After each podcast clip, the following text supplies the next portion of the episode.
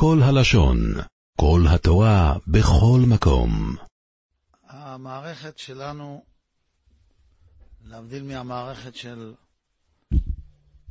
מה שנראה לגמרי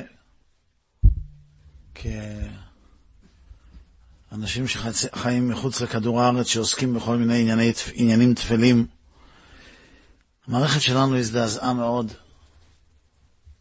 בעקבות הרצח הנורא של שבוע שעבר. אני כתבתי קטע שהייתי רוצה להקריא אותו וגם להרחיב עליו קצת. יש לי נטייה שבכתיבה אני כותב בקיצור נמרץ. ומתוך הנחה שגם מי שלא יבין, יוכל, הרי הדברים כתובים יהיו לפניו, יוכל, אם הוא ירצה, לחזור, להרחיב, לשאול.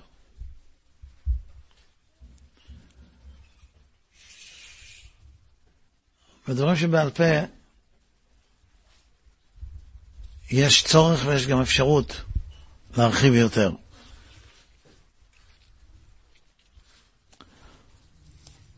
פתחתי את הקטע הזה בציטוט מתוך קינות של תשעה באב, הקינה המסיימת את קינות תשעה באב, המפורסמת תחת הכותרת אלי ציון ועריה. יש שם שתי שורות שאומרות עלי תפי מלאכיה בני דוד גביר, גביריה, ועל יופיים אשר חשך בעת צר וכתריה. ילדים נרצחים בבגדי שבת, שחיוך של התרגשות לקראת שמחה על פניהם, וצעירים שרק החלו את חייהם נרצחים גם הם. ונוכח אלה, התגובה היחידה שעשויה להיות קבילה היא כתגובתו של אהרון, וידום אהרון. לפני כמה שבועות, נוכח אסון דומה, שהיה גם הוא, לא בליל ערב שבת, אלא בשבת עצמה, בליל שבת, ציטטנו את דברי הרב הוטנר, שאמר בדברים שהוא נשא בפני 200 ראשי ישיבות שהתאספו לשמוע את דבריו בישיבת רב חיים ברלין. הדברים התפרסמו אחר כך באנגלית ב-Jewish Observer ותורגמו לעברית והודפסו על ידי הרב עמיהוד קליין במגזין אורייתא שבכרך שהוקדש כולו לחורבן יהדות אירופה. ואמר הרב הוטנר כך, שאין לנו כל אפשרות לדעת, להצביע על איזו עבירה ספציפית שבגללה קורים הדברים. כדי לדעת למה האירוע הספציפי קורה, צריך להיות נביא או תנא. כל מי שהוא פחות מזה ומנסה להגיד למה קורים דברים, או להצביע על חטאים כאלה או אחרים של אנשים כאלה או אחרים, הרי הוא בגדר דורך על גוויות הקדושים ומחלל את קדושתם. כל הלשון. אז בוודאי אה, שאנחנו. שרואים את עצמנו כתלמידי רבי יצחק קוטנר, בוודאי מחויבים ל... להנחיה הזאת. ולא ללכת בגדולות ולהתנהג כאילו פנקסו של מקום פתוח לפנינו, אנחנו יודעים לנהל לו את החשבונות. וייתכן גם שהסיבה שבגללה הוא לא מגלה לנו, זה כדי שלא נתמקד בנקודה זו או אחרת, אלא נעשה חשבון נפש כללי.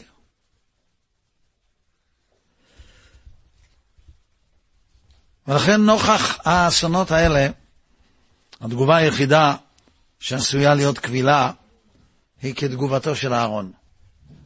וידום אהרון. אבל הדממה הזאת של אהרון היא לא הייתה סתם דממה. זאת הייתה דממה, זאת הייתה שתיקה מלאת משמעות. יש כל מיני שתיקות. בדרך כלל כשאנחנו שותקים, אנחנו שותקים בגלל שאין לנו מה לומר, וזה גם נדיר, כי בדרך כלל רוב אלה שאומרים זה בגלל שאין להם מה לומר. זאת מעטים אלה ששותקים למרות שאין להם מה לומר. אבל רוב השתיקות הן שתיקות מעולות, שתיקות טובות. אבא שלי תמיד היה אומר, בגרמנית הוא היה אומר, זר פיין גרט, או ברצוני שרת קומטס נישט. מה שחז"ל אומרים, שתיקה, מילה בסלע, שתיקה בתרי. אלה שתיקות של סתם, וגם הן מכובדות. יש שתיקה של מבוכה, יש שתיקה של התרסה, יש שתיקות מלאות זעם, כעס, ייאוש או תסכול. השתיקה של אהרון הייתה שתיקה אחרת. זאת הייתה שתיקה של השגה והבנה. הוא הוכיח את זה מיד אחר כך. כשהוא לא אכל מהחט... מה... מהחטאת. משה רבנו שואל למה? אז הוא אומר, האם יהיה נכון בעיני השם שאני אוכל כשקורא אותי כאלה?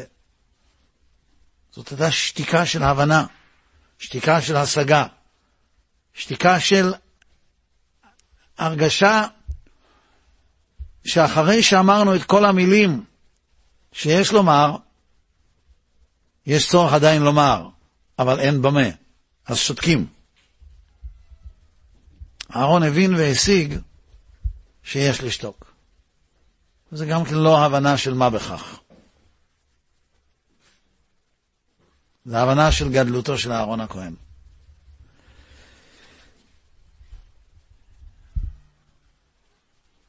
גם אנחנו רוצים לשתוק, כי אין איתנו יודע עד מה, כמו שאמרנו, ולכן אנחנו לא נאמר שום דבר משלנו. נלך אל הר המור ואל גבעת הלבונה, כמו שחז"ל אומרים, הר המור אלו האבות, וגבעת הלבונה אלו האימהות, ונשמע מה אמרו רבותינו נוכח אסונות שעבר העם בדור שקדם לנו, אסונות שבהם נרצחו גדולי עולם בצד ילדים ותינוקות קדושים וטהורים. הרב דסלר כתב מכתב שמופיע במכתב אליהו, חלק ג' עמוד 354. במכתב הזה הוא מתאר כיצד הלכו קדושי כלם לדרכם האחרונה. זו גם הייתה שתיקה. זה היה סוג של שתיקה. יש שתיקות רועמות, אבל זאת הייתה שתיקה ששרה. וכך כותב הרב דסלר. ציטוט, מילה במילה. איך נסתלקו גדולי עולם, כבירי הלבבות, משחרי האמת? זכורני ימים מקדם, את לילי התלמוד תורה, את לילי שמחת תורה, בתלמוד תורה של כלם. כי יצאו רבני הבית מן השער הרחובה, וילכו במחול דרך העיר, מרקדים בכל כוחם, מתוך התלהבות של שמחה. ומזמרים בכל עוז, אשרינו, מה טוב חלקנו. עברו כארבעים שנה, הגיעה שעת החורבן האיומה, הרבנים ומשפחותיהם התאספו אל בית התלמוד, ושפכו ליבם לבקש רחמים מאת פני מלא רחמים. אבל סוגרו שערי רחמים, ובשער הנה הרוצחים. ויוציאו כל איש ואישה, גם כל ילד, הרחובה, ויריצום דרך העיר, דחופים ומוכים במהלומות רשע בלי הרף. לאן? אל שדה קטל. מי יוכל לשער מה עשו קדושי עליון באותה שעה?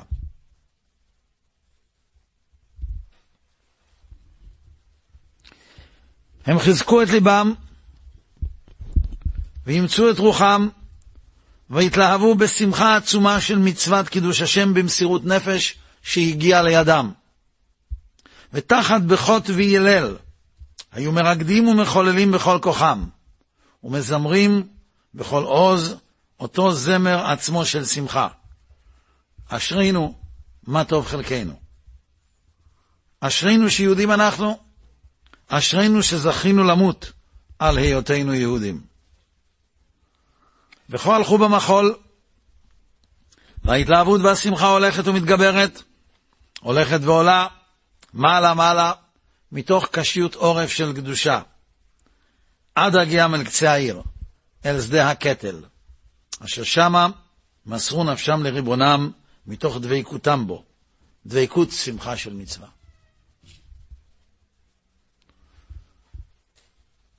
הרב דסלר לא אומר מניין הוא נטל את התיאור הזה.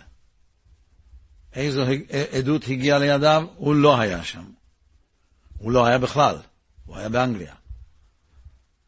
אבל הרב דסלר כותב את זה כעד.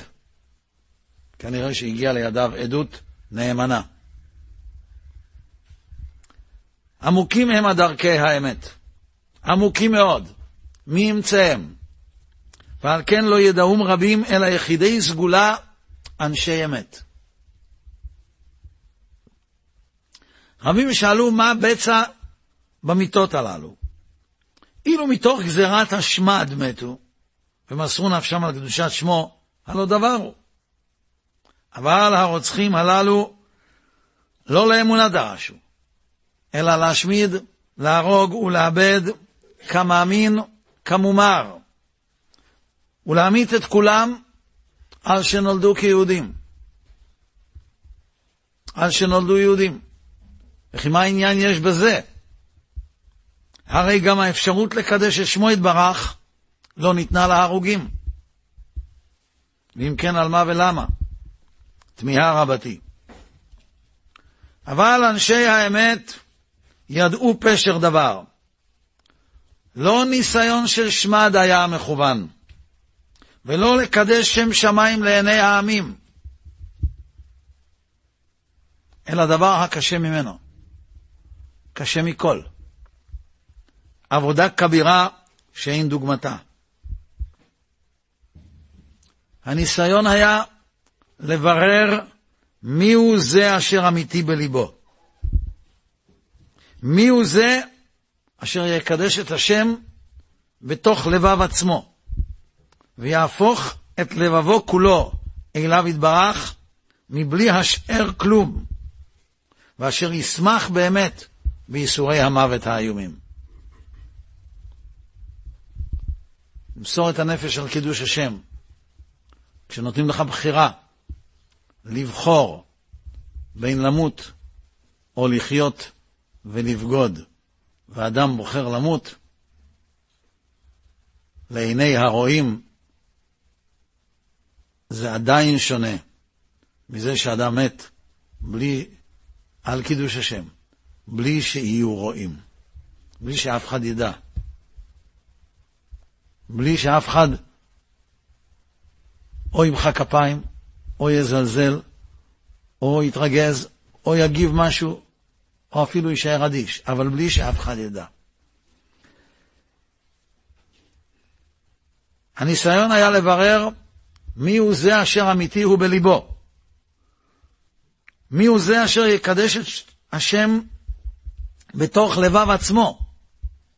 ויהפוך את לבבו כולו אליו יתברך, מבלי אשר, אשר כלום. ואשר ישמח באמת בייסורי המוות האיומים. שמחה שלמה של עושר הדבקות. הן זו התכלית היותר עליונה. זוהי עבודת חבלי משיח. גם תנאים ואמוראים, קדושי עליון, פחד לבבם. אולי לא יצאו ידי חובתם בעבודת חבלי משיח. על כן התפללו, יהיה איתי, יבוא המשיח ולא אחמיני. אני לא רוצה להיות שם לראות, כי פחדו. ממה הם פחדו? מהייסורים? לא, אומר הרב דסלר, פחדו מהניסיון הגדול הזה, שידרשו לקדש שם שמיים בליבם פנימה. בלי עדים, בלי מחיאות כפיים, בלי כאלה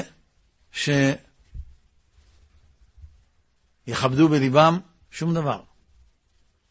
מזה הם פחדו. ובדורנו החלש, אנשי האמת השיגו אמת זו. ויעמדו בניסיון הנורא אשר ניסן השם בו, וכה דבקו בשכינה, בטהרה ובאמת. מאיפה הרב דסלר ידע את זה? אני לא יודע. על זה לא יכולה להיות גם עדות. אבל הרב דסלר מעיד בעצמו על קדושי כלם, ומבחינתנו הרב דסלר נותן לנו את האינדיקציה לניסיון הגדול של ייתי ולא אחמיני, של תקופת עקבות משיח. לנו יש כן עדויות על הדברים האלה. אנחנו יודעים מאנשים שהיו בתוך תאי הגזים, וכבר ידעו שאין להם שום סיכוי בעולם לצאת משם, והדלת ננעלה עליהם, והם כבר אמרו שמע ישראל, והם יצאו משם, והם העידו שכך הרגישו. יש לנו עדויות כאלה. אנחנו מוסרים אותם במקום המתאים, לא אפרט כאן. כך שאיך הרב דסלר ידע את זה על קדושות, קדושי כלם, אין אני יודע. אבל א', שהרב דסלר גילה לנו מה הניסיון הקשה ביותר של עקבות משיח, זה דבר שעומד בפני עצמו, ב', שדברים כאלה, יש עליהם עדויות באופן פלאי ולא טבעי. יצא שיש עליהם עדויות, ולא מקדושי כלם. ולא מאנשי בית התלמוד של כלם, אלא מיהודים פשוטים, יומיומיים, והעדות שיש לי זה דווקא מאישה. אז אנחנו יודעים שהוא צדק. שאלה הדברים, הוא לא צריך הסכמה שלנו. אבל שהיו דברים כאלה, יש לו גם את ההסכמה שלנו. ומה קורה כשמדובר בתינוקות? תינוקות של בית רבן. שאותם לא מעמידים בניסיון בכלל,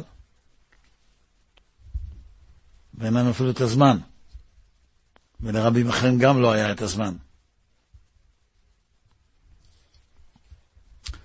דיברנו על זה פעם, שהגמרא במסכת שבת דף פט עמוד ב' אומרת שלעתיד לבוא יבוא הקדוש לאברהם אבינו ויגיד לו בניך חטאו, יגיד לו אברהם ימחו על קדושת שמך. יבוא ליצחק ויעקב ויגיד לו ליעקב, בניך חטאו, יגיד לו יעקב, ימחו על קדושת שמך. יבוא ליצחק ויגיד לו, בניך חטאו, יבוא יצחק ויאמר לו ככה, כמה זמן האדם מסוגל לחטוא? ימי חיינו בהם שבעים שנה, חצי מזה ישנים ואוכלים, בזמנו, היום זה תשעים אחוז. כמה נשאר? 35 שנה.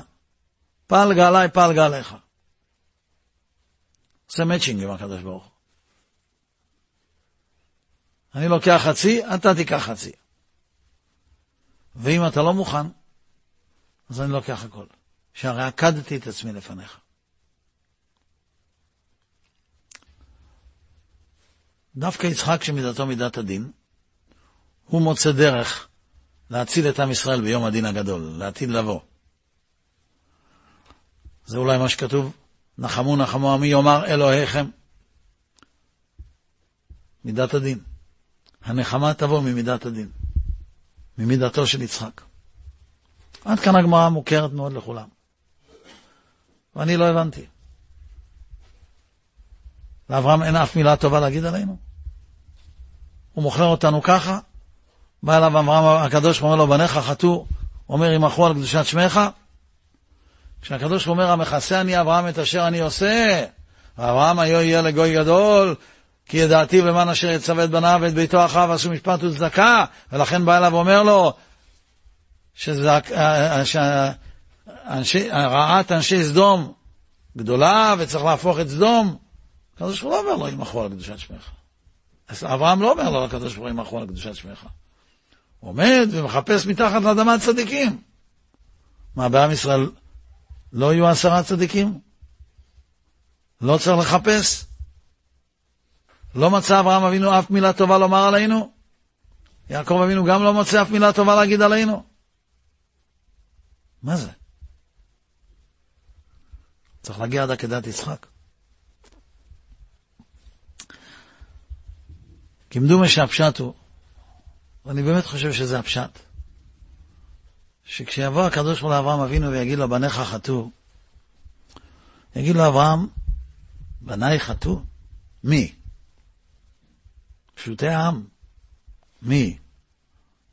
האנשים שחוטאים. אותם אנשים עצמם. אלה שדשים בעקביהם בהרבה מאוד מצוות. אלה שלא מדקדקים. לא בבין אדם למקום ולא בבין אדם לחברו. תעמיד אותם בניסיון. כשהם יידרשו למות על קידוש השם, אתה תראה שהם ימחו על קדושת שמך. כמו שרבי יוסף יעבץ מגולי ספרד מעיד, שכשעלה הכורת על יהדות ספרד, ולא כמו בשנות ה-40, אלא נתנו להם ברירה. נתנו להם ברירה. והיה להם אפילו אפשרות להרגיע את עצמם, שהם יוכלו להמשיך לחיות כיהודים בסתר. יהודים פשוטים לקחו את מקל הנדודים ועזבו הכל מאחוריהם, ועמדו בניסיון, יותר מאשר כל מיני פילוסופים גדולים שדיברו גבוהה גבוהה לפני כן. כך מעיד רבי יוסף יעבץ מגולי ספרד. ימחו על קדושת שמך. וכך ראינו לאורך כל ההיסטוריה. כשיהודים נקראו לדגל, אז פתאום הם הבינו שהם יהודים בשעת מבחן. כך אומר אברהם וכך אומר יעקב. מה יצחק אומר מיותר? לא צריך לנסות.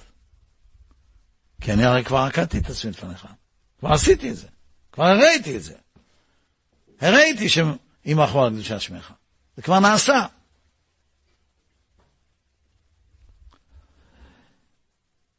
את אותה שאלה ששאל הרב דסלר, נחזור לניסוח שלו. רבים שאלו, מה בצע במיטות הללו?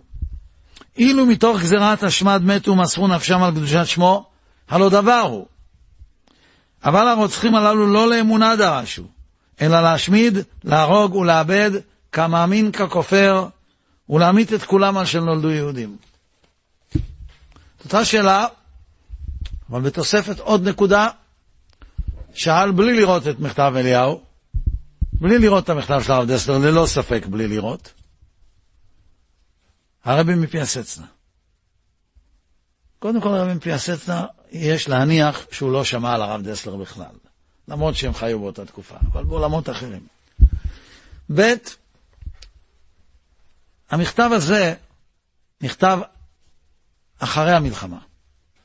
גם אם הוא נכתב תוך כדי המלחמה, כשהגיע לרב דסלר הידיעות על קדושי כלם, זה היה כבר אחרי חורבן גטו ורשה, ואחרי הרצחו של הרבי מפיאסצנה. אז כך שהוא לא, לא שמע את השאלה הזאת ממנו, ולא את התשובה. אבל הוא שואל עוד שאלה. הרב דסלר הדגיש בשאלה רק את הצד של האויב, שלא נותן אפשרות לבחור. הרבי מפיאסצנה שואל את הצד של הנרצח, שהרבה פעמים רצחו אותם בלי שנתנו להם אפילו אפשרות לכוון. כלומר, התשובה של הרב דסלר על קדושי כלם לא עוזרת לשאלה של הרבי מפיאסצנה. כי בשביל למות כקדושי כלם צריך שיהיה זמן לחשוב. לא לכולם נתנו זמן לחשוב. ובוודאי לא לילדים ותינוקות. כלומר, הרבי מפיאסצנה שואל את השאלה באופן רחב יותר. ושאלתו של הרבי מפיאסצנה מכניסה לכלל השאלה גם את השאלה שלנו. שלא השאלה ולא התשובה של הרב דסלר מתאימה להם. אומר הרבי מפיאסצנה, דבר ש...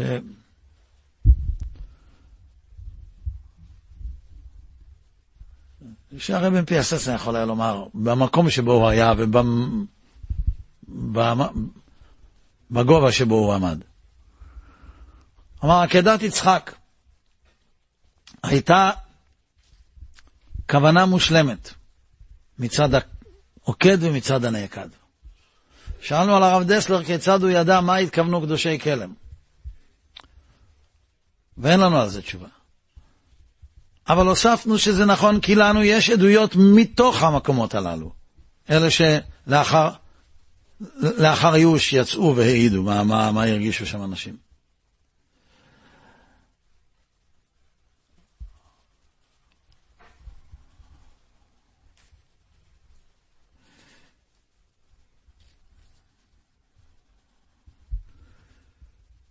אבל זה שאברהם ויצחק התכוונו, על זה יש לנו עדויות.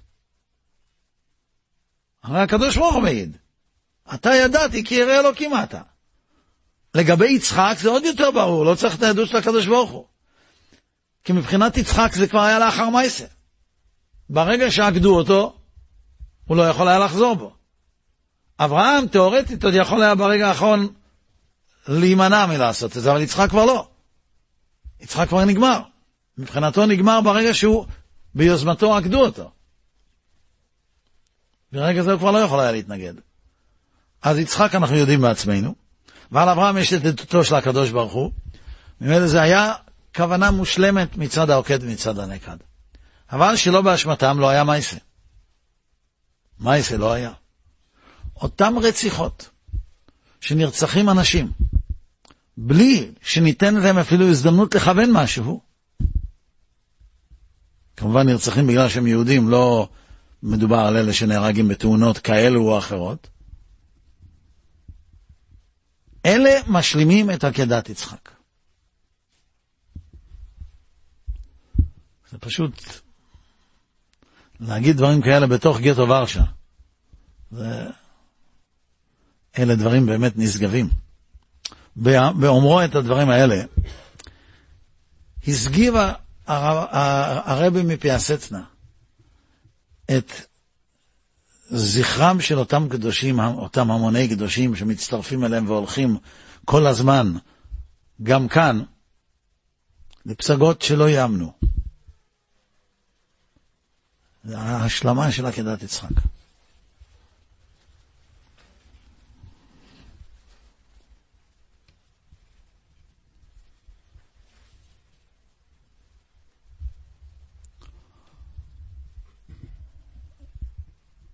במקרה ש...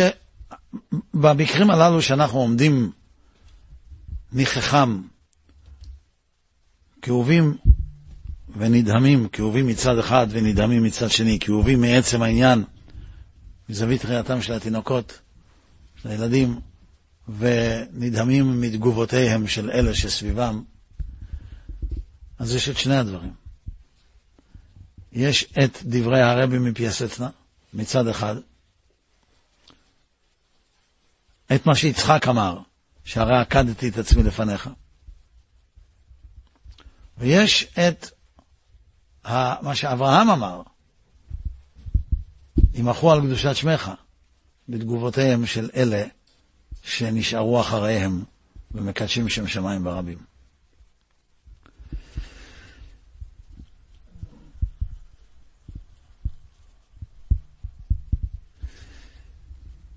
העניין הוא שקשה מאוד לדעת מתי דברים מנביטים בלב אנשים רחוקים את הנבט המתאים. אי אפשר לדעת מתי נקודת ההתהפכות מגיעה. יש תכונה פיזית או כימית של המים, ככל שמתקררים והולכים ומתכווצים, אבל יש נקודה שמגיעים אליה שמתהפך, מתהפכת התכונה ומתחילים להתרחב. יש גם בנשמת האדם, מן הסתם, נקודה כזאת. שאדם הולך ומת, ומתכווץ, אדם הולך ונהיה קטן, אבל יש איזו נקודה מתוך עומק הקטנות שפתאום הוא מתהפך ומתחיל לגדול. העולם רואה, העולם שומע, העולם מבין, העולם יכול לראות מה בין בני לבין חמי, העולם יכול לראות מה מצד אחד איך מגיבים ומצד שני איך מגיבים. והעולם בכלל לא מבין שמתכוונים אליו.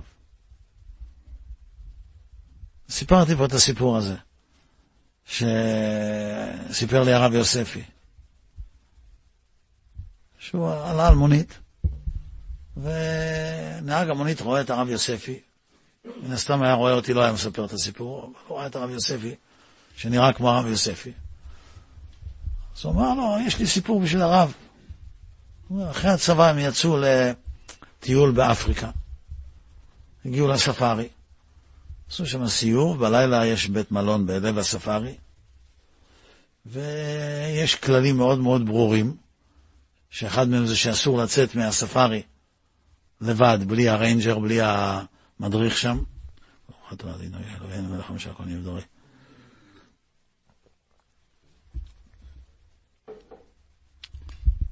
אז כיוון שיש כלל שאסור לצאת לבד, אז ישראלים כמובן יוצאים לבד.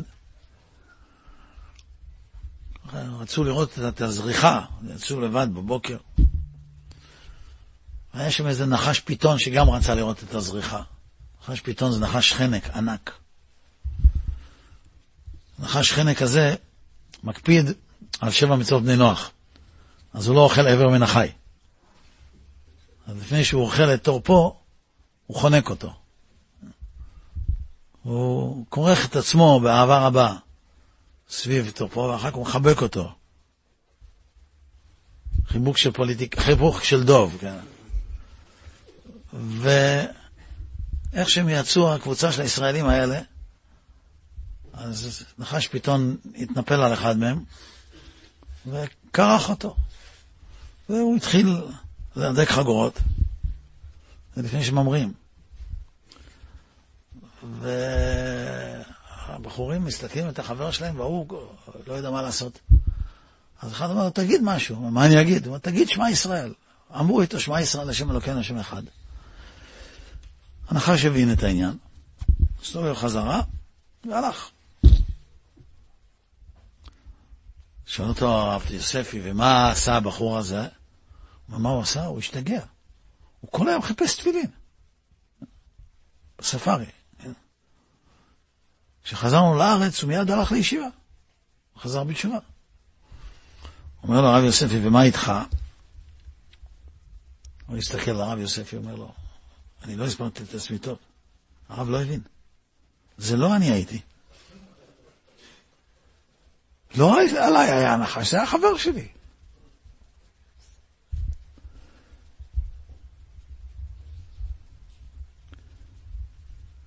אנשים באים, מנחמים אבלים. יש איזה תיעוד גם כן בתקשורת, שומעים ורואים, ומאוד מאוד מתפעלים, וזהו. ומפטירים כדי אתמול. איך אפשר להבין את זה? מה עוד צריך לקרות כדי שאנשים יבינו את התפילה של רבי נחוניה בן הקנה? מה, מה, מה עוד צריך, איזה דברים עוד צריך, לה, הם צריכים לראות כדי להבין? לפני הרבה שנים, כשהרב אלישיב עוד היה חי, הרב אלישיב, כל פעם שמזמינים אותי לתוכנית טלוויזיה כזו או אחרת, הייתי הולך לרב אלישיב, והוא היה אומר לי ללכת. אז הייתי הולך. מתי הפסקתי ללכת? כשנמאס לו ממני. ואז הוא אמר לי, מתי שאתה חושב שאתה יכול להשפיע, תלך. ואז הפסקתי ללכת. כי אני לרגע לא חשבתי שאני יכול להשפיע במדיה הזאת. וזהו. ומה זה ההיסטוריה פה? הזמינו אותי פעם לדבר על משהו. ובאותו יום היה פיגוע גדול, זה היה, אני זוכר בדיוק, זה היה פיגוע של מקרר בכיכר ציון. 17 יהודים נהרגו באותו פיגוע. ובדיוק אז אה, אה, נכנסתי לתוכנית טלוויזיה, כמובן דיברו על זה. היום, אם מדברים על כדורגל, אם תכננו לדבר על כדורגל, היום מדברים על כדורגל, ככה זה הולך היום. כנראה שאז עוד הייתה רגישות יותר גבוהה. שואל אותי המנחה, ככה, אומר לי, ידוע שאנשים מאמינים, יש להם יותר יכולות להתמודד עם אובדן, עם שכול. מה יש לך להגיד לאנשים שאינם מאמינים? אמרתי לו שיאמינו. הוא אומר לי, אבל הם לא מאמינים. אמרתי לו, תשמע, הרי אתה בעצמך אמרת, לא אני. מדובר במנחה הגון, לא, לא, לא ברשעים האלה, כן? אדם חילוני, אבל איש הגון. לו, אתה בעצמך אמרת שאנשים מאמינים, יש להם יותר אפשרויות נפשיות להתמודד. אז שיאמינו. אבל הם לא מאמינים. אמרתי לו, זו לא מחלה כרונית. אפשר לרפא, אפשר לרפא מזה.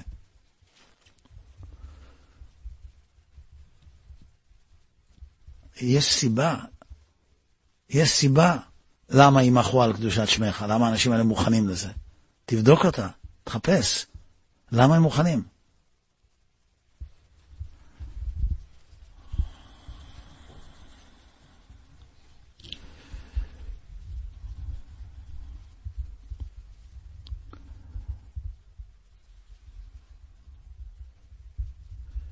וזה חוזר על עצמו בעוד נקודה ובעוד נקודה.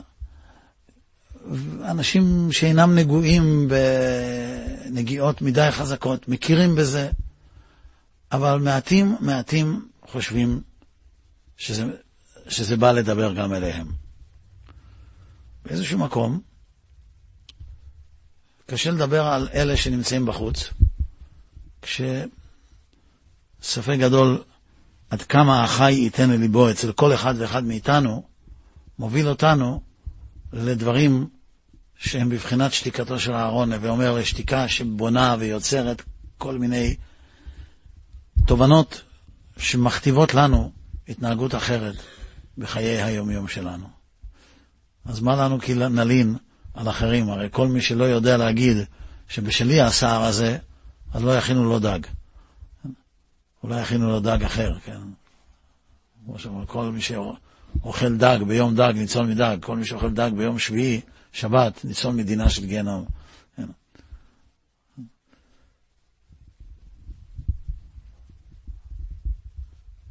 הרב דסלר נתן לנו פה איזושהי הבנה